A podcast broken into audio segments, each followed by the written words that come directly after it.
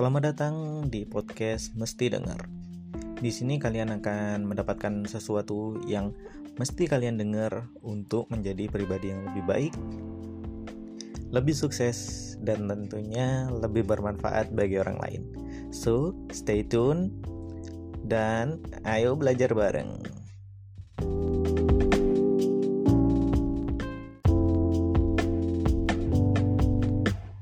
Yuk kalian semua bersama saya lagi Profesor Wai dan kali ini kalian berada di podcast Mesti Dengar spesial bulan Ramadan.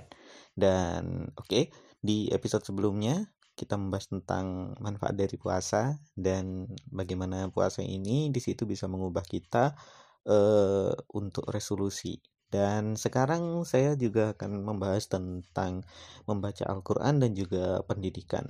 Ya, sebenarnya bukan dari pendidikannya sendiri, tapi dari membaca Al-Quran. Nah, jadi gini, memang sih yang namanya uh, Al-Quran itu adalah buku yang benar-benar sangat mulia untuk dibaca. Bahkan membacanya pun akan mendapatkan pahala, meskipun kalian nggak puasa atau enggak. Tapi buku-buku yang lain, ya yang self improvement dan yang lain sebagainya ya mungkin nggak mendapatkan pahala ketika membacanya. Dan Al-Quran ini ya sebagai kitab spiritual bagi kita para umat muslim untuk mendapatkan pencerahan, untuk mendapatkan suatu insight yang harusnya bisa berguna untuk hidup kita. Dan apa jadinya ketika kita di situ membaca sebuah uh, buku self improvement dan kita mendapatkan pencerahan tetapi ketika kita membaca Al-Qur'an kita malah tidak mendapatkan pencerahan. Hanya mungkin sekedar hatam-hataman dan lain sebagainya. Nah ini di sini saya juga di situ menyarankan bahwa uh, untuk resolusi uh, membuat kalian semua menjadi lebih baik di bulan Ramadan ini kalian juga bisa merutinkan membaca Al-Qur'an dan gak hanya sekedar membaca ya tapi membaca yang di situ bener-bener diresapi gitu loh. Kalau kata-kata apa namanya lagunya lagunya orang Jawa yang biasa uh, Tomboati itu Tomboati ono limo uh, kan yang pertama adalah membaca Al-Quran dan diangan-angan sa artinya sekalian maknanya juga. Jadi ketika membaca Al-Quran sebenarnya bukan nggak harus membaca Al-Quran terjemahan juga sih tetapi gini loh kalian membaca Al-Quran nggak langsung terjemahannya tetapi juga dari insight-insight bahasa Arabnya gitu jadi ketika mungkin dibaca mungkin ya surat uh, Al-Baqarah Dalikal kitabul raiba fihi hudal lil. Nah, di situ kalian bisa nggak nggak harus langsung apa namanya itu membaca terjemahannya. Kayak cuman uh, demikian itu adalah kitab yang tidak ada keraguan di dalamnya. Dan kemudian itu juga menjadi petunjuk bagi orang-orang yang bertakwa. Jangan hanya seperti itu saja, tetapi kalian juga harus membaca Arabnya. Karena bahasa Arab itu uh, kalau dibilang cakep ya cakep sih. Cakep itu maksudnya indah gitu loh untuk puisi itu bagus. Dan karya seninya itu tinggi. Karena kalian harus juga memperhatikan itu. Dan ya seperti itulah lah, terus apa sih hubungannya kita membaca Al-Quran dan kemudian atau dengan pendidikan ini apa hubungannya? Nah, beberapa uh, tahun belakangan ini, beberapa bulan belakangan ini saya juga sedikit berpikir tentang uh, sistem pendidikan maupun pendidikan yang ada di Indonesia ini yang kayak apa sih tujuan dari pendidikan ini? Kenapa sih kok kita itu uh, harus sekolah? Kenapa kok karena ya seperti itulah pokoknya kenapa kita kok harus sekolah kenapa kita harus mengenyam pendidikan bahkan sampai tinggi. Bahkan ada banyak yang apa namanya itu mengenyam pendidikan itu di direwangi bahwa direwangi di paksa memaksakan dirinya untuk mengenyam pendidikan mungkin sampai ada joki skripsi dan lain sebagainya. Itu kenapa sih? Kenapa kok kita sebegitu pentingnya untuk mengejar pendidikan? Mungkin mengejar pendidikan S1, sarjana itu kok seberapa pentingnya? Apakah cuman karena kita harus mempunyai ijazah atau yang lain sebagainya dan ya begitulah dan ketika saya di situ mungkin sekarang uh, bekerja sebagai seorang pengajar di salah satu SMK saya juga sedikit agak mengkhawatirkan nggak mengkhawatirkan juga agak bingung juga. Ini sebenarnya ketika saya di situ mengajarkan apa sih tujuannya saya ini mengajarkan itu loh apa. Dan tandanya bahwa saya berhasil itu loh apa. Apakah saya berhasil mengajarkan kalau nilai-nilai siswa saya bagus? ya udah kita tinggal kasih aja semuanya random antara 90 sampai 100 di Excel random semuanya udah nilainya bagus apakah tujuannya hanya sedangkal itu atau mungkin uh, saya bisa berhasil seorang guru itu bisa berhasil kalau uh, muridnya itu ditanyai sesuatu itu ngerti ditanyai tentang bahasa pemrograman langsung jawab nah apakah seperti itu itu tanda-tandanya guru yang berhasil Nah, kalau seperti itu ya tinggal kasih makan aja semua materinya kan. Ya sebenarnya kita paksa semuanya untuk dimasuki dan kemudian ketika salah langsung dihukum dan dan lain sebagainya. Apakah tujuannya memang seperti itu? Nah, saya baru mendapat insight, sedikit insight kemarin ketika mendengar dari Inspigo, aplikasi Inspigo kalian bisa download di Play Store. Itu itu bagus, lumayan bagus aplikasinya. Kalau itu semacam podcast juga, tetapi dengan tema-tema yang cukup menarik juga, kalian bisa download itu di Play Store. Bahwa ketika kita di situ bisa untuk apa namanya itu uh, menggerakkan anak-anak murid-murid untuk menjadi dirinya sendiri, dan bisa berkembang meskipun hanya sedikit. Nah, itulah yang dinamakan dengan pendidikan. Contohnya gini nih. Saya mengajar eh, apa namanya itu teknik komputer jaringan. Teknik komputer jaringan itu sistem operasi, bahasa pemrograman dan lain sebagainya. Nah, ketika mengajar, kita harus bisa menanamkan insight-insight kepada anak-anak untuk bagaimana kita memanfaatkan dan mengimplementasikan hal itu di kehidupan kita di selanjutnya.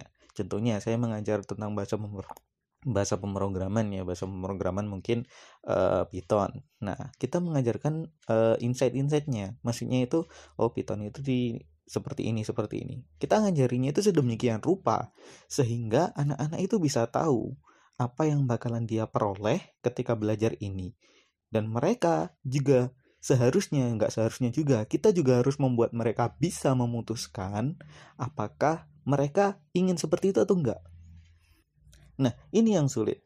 Kita harus memotivasi seorang anak untuk bisa bukan bisa seperti kita tapi bisa memutuskan. Bisa ya memutuskan apakah mereka ingin menjadi seperti itu atau enggak contohnya dari 30 anak ini ya 30 anak murid-murid ini. Kita harus mengajar mereka sedemikian rupa sehingga mereka itu tahu bahwa apa yang diajarkan itu nanti bermanfaat bagi orang-orang. Misal saya mengajarkan bahasa pemrograman ya Python itu kita bisa menggunakannya untuk data science, untuk uh, kecerdasan buatan, untuk membuat seperti semacam web juga bisa. Kita untuk membuat ini ini ini, ini bisa. Sampai mereka itu benar-benar paham apa yang bisa dikerjakan dengan apa yang kita pelajari dengan Python tadi. Oh, Python itu ternyata begini begini begini dan selain mereka tahu apa yang bisa mereka kerjakan dengan Python, mereka juga harus tahu bahwa mereka suka atau tidak kepada bahasa pemrograman ini. Nah, itu itu yang sulit. Kebanyakan dari para para pendidik ini yang mungkin uh, yang saya lihat, mereka itu ya cuman mengajarkan supaya anak-anak itu tahu.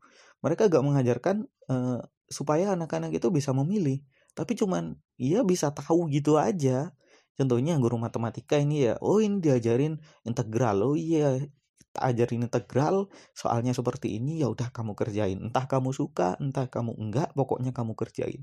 Nah itu kan mematikan uh, kreativitas murid enggak bukan mematikan kreativitas murid mematikan uh, perasaan mereka terhadap diri diri mereka sendiri.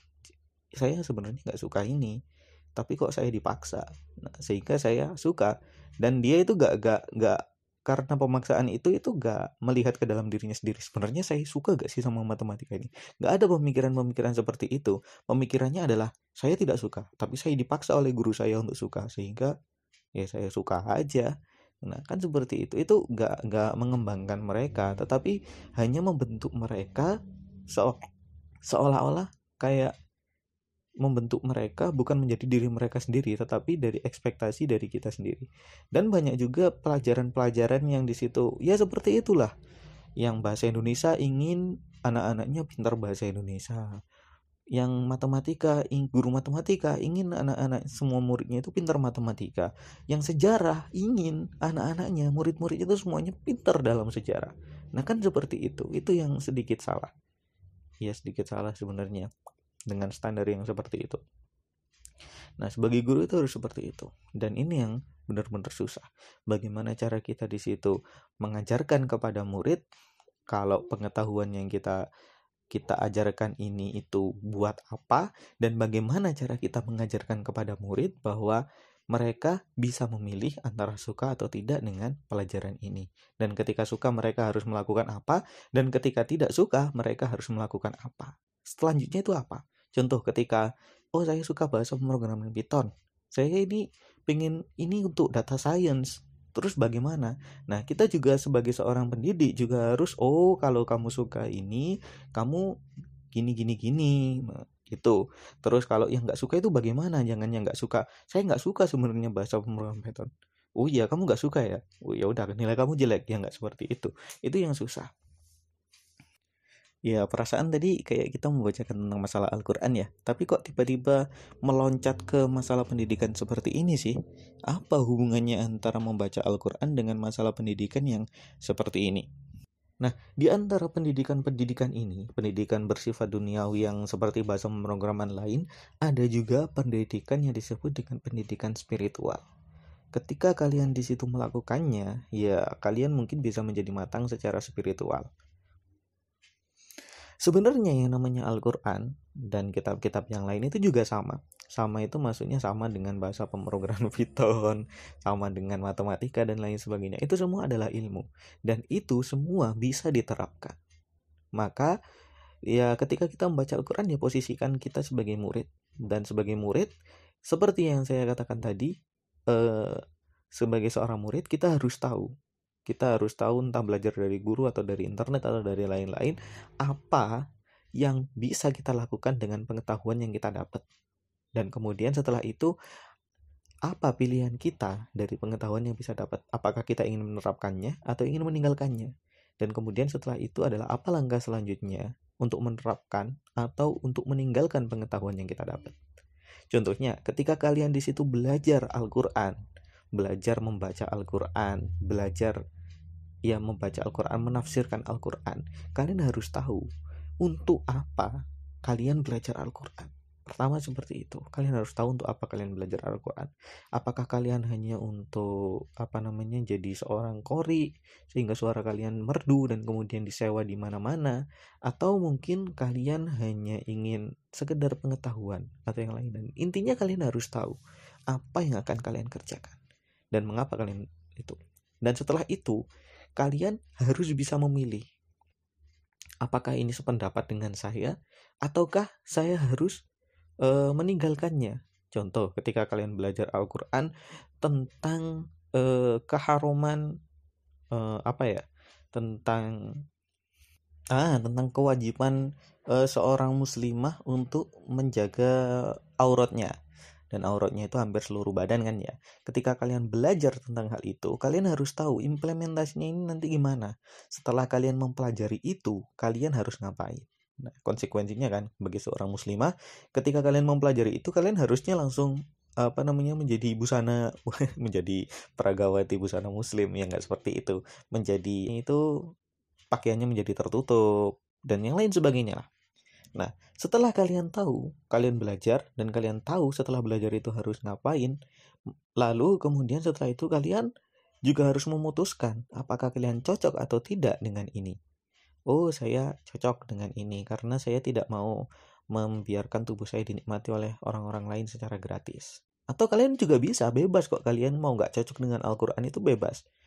Nah, kalian nggak cocok dengan Al-Quran itu bebas, tapi konsekuensinya ada sendiri nanti. Nah, oh saya ini ini membatasi emansipasi wanita ini. Itu nggak apa-apa. Kalian nggak cocok seperti itu nggak apa-apa. Itu bebas. Nah setelah itu kalian harus kalau kalian udah tahu udah memutuskan kalian bisa ke langkah selanjutnya. Entah kalian di situ langkah selanjutnya adalah di situ menjadi bebas atau apa pun. Dan kalian setelah itu harus mengevaluasi diri kalian kalau kalian memang benar-benar tidak cocok dengan Al-Quran kalian harus mengevaluasi diri kalian. Apakah semangat spiritual kalian itu ditemukan dalam Al-Quran atau tidak? Ketika tidak ditemukan dalam Al-Quran, semangat spiritual kalian, mungkin udah saatnya kalian pindah agama. Dan kalian mungkin merasa nggak cocok dengan siksaan-siksaan neraka yang di situ disebutkan dalam Al-Quran. Kalian nggak percaya itu nggak apa-apa. Bener nggak apa-apa. Cuman konsekuensinya ketika kalian nggak percaya seperti itu adalah apa yang akan kalian percayai dengan hal yang seperti itu dan ketika kalian sudah mempercayai hal-hal yang sudah kalian percayai, mungkin kalian tidak percaya terhadap neraka dan surga, dan kemudian, tapi setelah itu mungkin akan muncul kehampaan. Apa yang kalian percayai dalam kehidupan? Dan itu kalian harus mempertanggungjawabkannya atas diri kalian sendiri. Bukan serta-merta kalian di situ tidak percaya dan kemudian bebas. Ketika kalian tidak percaya dengan surga dan neraka, tetapi ternyata neraka benar-benar real, ya kalian masuk neraka. Itu konsekuensi yang harus kalian ambil. Kalian nggak apa-apa terserah kalian nggak percaya juga nggak apa-apa. Tuh. Malah nyambung ke situ. Ya udah deh uh, mungkin untuk saat ini mungkin cukup segitu aja. Di kali ini saya mau bicarakan tentang bagaimana cara kita mempelajari Al-Quran itu dengan benar dan ya dengan kritis seperti itu dan bagaimana cara kalian menemukan semangat spiritual kalian dan ketika dan jangan lupa ya, saya ingatkan lagi bahwa resiko ketika kalian kehilangan semangat spiritual kalian, kalian akan menghadapi kebenaran yang tidak mengenakan. Apa itu? Yaitu adalah kematian. Karena yang namanya semangat spiritual itu sangat-sangat bermanfaat bagi kalian untuk menghadapi kematian. Bukan melawan kematian ya, tetapi menghadapi kenyataan bahwa kematian itu ada. Dan kematian ketika tanpa semangat spiritual, kalian pasti akan bingung ke mana semua orang-orang mati itu? Dan itu semua kalau kalian bisa membaca Al-Quran dan meresapi isinya kalian akan mendapatkan semangat spiritual dari situ. Oke terima kasih jangan lupa follow uh, podcast ini mesti baca mesti dengar di apa namanya itu di Spotify di Google Podcast. Dan juga jangan lupa like dan subscribe channel Mesti Sukses kalau kalian juga ingin mendapatkan insight uh, apa namanya tentang time management, renungan dan juga spesial Ramadan juga di Mesti Sukses dan ada juga artikel-artikel yang bagus juga di mestisukses.com. Oke, jangan lupa like dan subscribe itu semuanya ya. Terima kasih kalian semua sudah mendengarkan. Selamat menunaikan ibadah puasa. Sampai jumpa.